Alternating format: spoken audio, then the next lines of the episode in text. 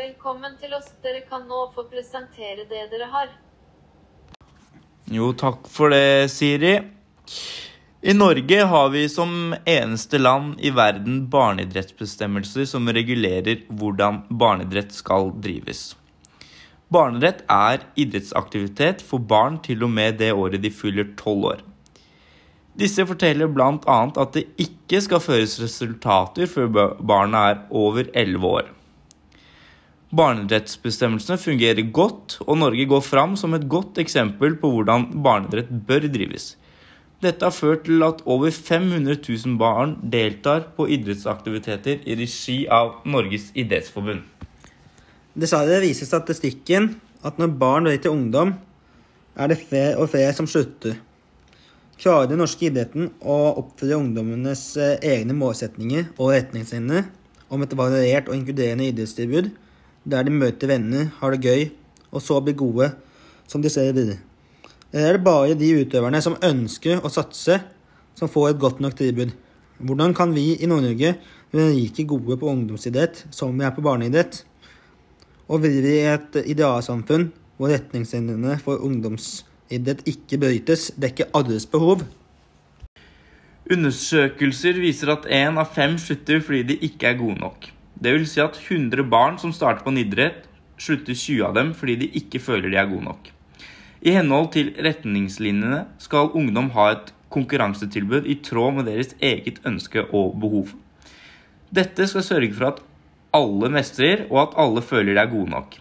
De skal også selv kunne bestemme om de ønsker å delta i konkurransen i det hele tatt. Mange steder er ikke dette tilbudet godt nok.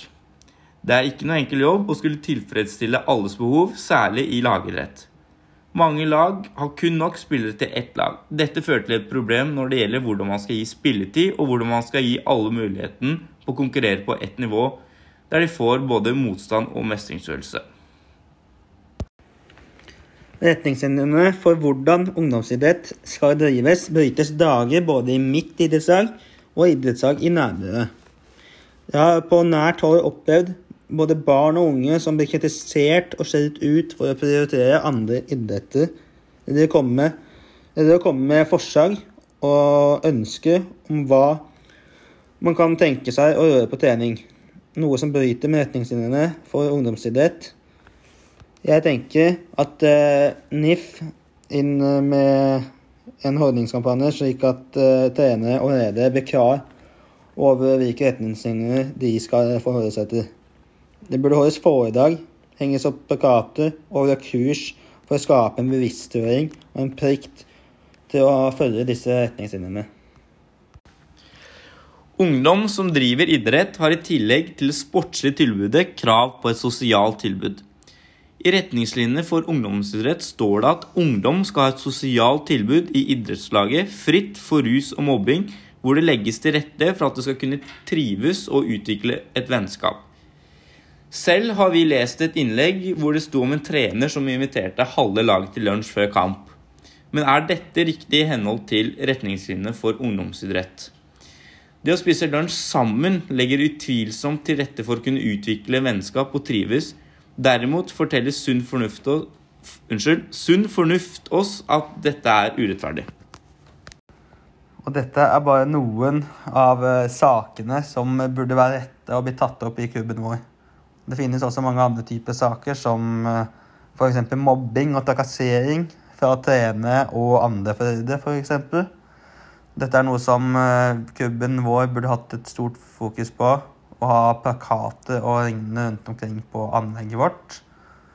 Om at det er enkelt å snakke med noen som tar disse sakene alvorlig og sender disse videre inn til diverse rede som kan ta enda større tak i dette hvis dette er et problem som kommer i klubben vår.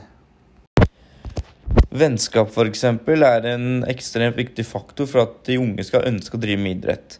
Det er hele 15 av de som slutter, slutter fordi deres venner har sluttet. Glemmer vi når barna blir eldre at fokus på idrett skal være gøy og ikke bare alvor? Slik at det nesten ikke blir rom for å bruke idretten som en sosial arena? Eller er det sånn at ungdommen ønsker å være på trening kun for å trene og bli bedre? Ungdommens meninger bør fremmes i idrettslaget. Noe vi også har sett for oss, er at det burde vært et slags elevråd i idretten. Um, dette fungerer da som et elevråd man har på skolen, men i et idrettslag. Da får barn og ungdom mulighet til å ta opp saker og forandre på de tingene de ikke syns fungerer. I tillegg får de hjelp til å organisere arrangementer, noe som fører til kompetanse i hvordan dette skal gjøres. Dette er helt klart i tråd med retningslinjene. Elevråd er påbudt å ha i skoleverket. Hvorfor er ikke, hvorfor er spilleråd noe alle klubber eh, bør være pålagt å ha?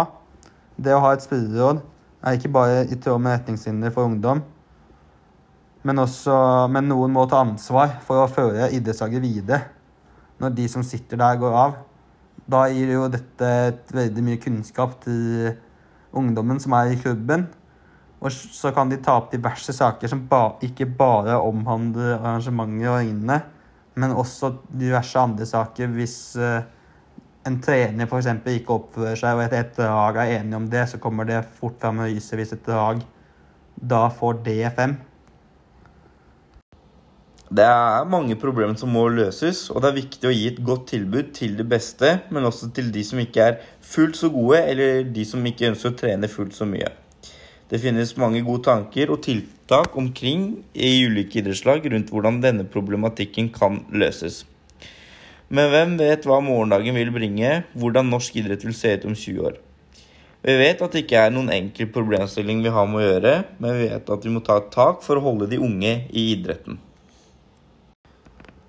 For oss som er en breddeklubb, så er det viktig å gi tilbud som sagt til de beste, men også til de som ikke er fullt så gode, som i motsetning til toppklubb. Og vi da, som ønsker å beholde spillerne våre, så lager vi et ekstra tilbud som de mest ivrige kan få være med på, slik at dem ikke går til andre klubber. Og så kan man bytte på hvilke spillere man vil ha med, da. Så f.eks. hvis eh, det er noen som viser ekstra innsats på en trening, kan, og virkelig vil, og viser tilstedeværelse, så kan f.eks. dem tas med på den neste treninga. Vi forstår at eh, klubber velger å gjøre det på den måten at de beste skal spille med beste, og det er kun de som får et tilbud. Men vi mener at i den alderen de er i, så burde det finnes en annen løsning på det. En ting som også er viktig før jeg er i spesielt breddeklubber, er at eh, hvis det skal prøve å satses på et lag, så bør dette være noe som er klart for alle foreldre og spillere. Og det bør gjøres klart at ikke alle får like mye spilletid som de da antar beste spillerne. Og som f.eks. i min klubb eh, når jeg spilte håndball i HK72, så hadde vi da et lag som spilte for, i en nasjonal serie. Og så hadde vi ett lag i A-serien og to lag i B-serien. Dette var for at alle skulle få like mye muligheter til å faktisk spille kamper. Mens de som var med på det laget som spilte i nasjonal serie, der var alle klar over at ikke alle kunne få spille, spille like mye, og at eh, det eneste ønsket var rett og slett å prøve å vinne kampene. Selv om hvis vi da f.eks. ledet en kamp med del mål, så får de da antatt dårligere spillerne med spilletid utover i kampen, hvis vi da leder med mange mål, f.eks. Vi var da også ganske mange spillere, slik at vi hadde kapasitet til å ha så mange lag og kunne spille så mange kamper som vi da gjorde. Men det er mye vanskeligere da i andre områder som er mye mindre, har mye mindre spire i grubben, som da bare er nok til ett lag, og kanskje ikke det engang, nesten. Dette kan jo også føre til en del gode resultater og, og mestring, fordi si man starter på et antatt andrelag og bygger seg over, det kan øke potensialet i hver enkelt spiller. Men det kan også ha motsatt effekt, sånn at de som er på det dårlige laget, føler seg da litt dårligere enn de som da spiller fast på første laget. Og dette kan gjøre sånn at de slutter. Det er derfor det også kan være en fordel å bare ha ett lag, eller liksom at alle spiller på ett lag, som kanskje da er meldt på i to divisjoner Men at man har fokus på at alle skal spille like mye, det kan gjøre at alle har det like gøy, og at ingen slutter. Og med dette så føler vi at vi har fått fram våre synspunkter angående hvordan ungdomsidretten skal styres, og det med siling osv. Takk for oss.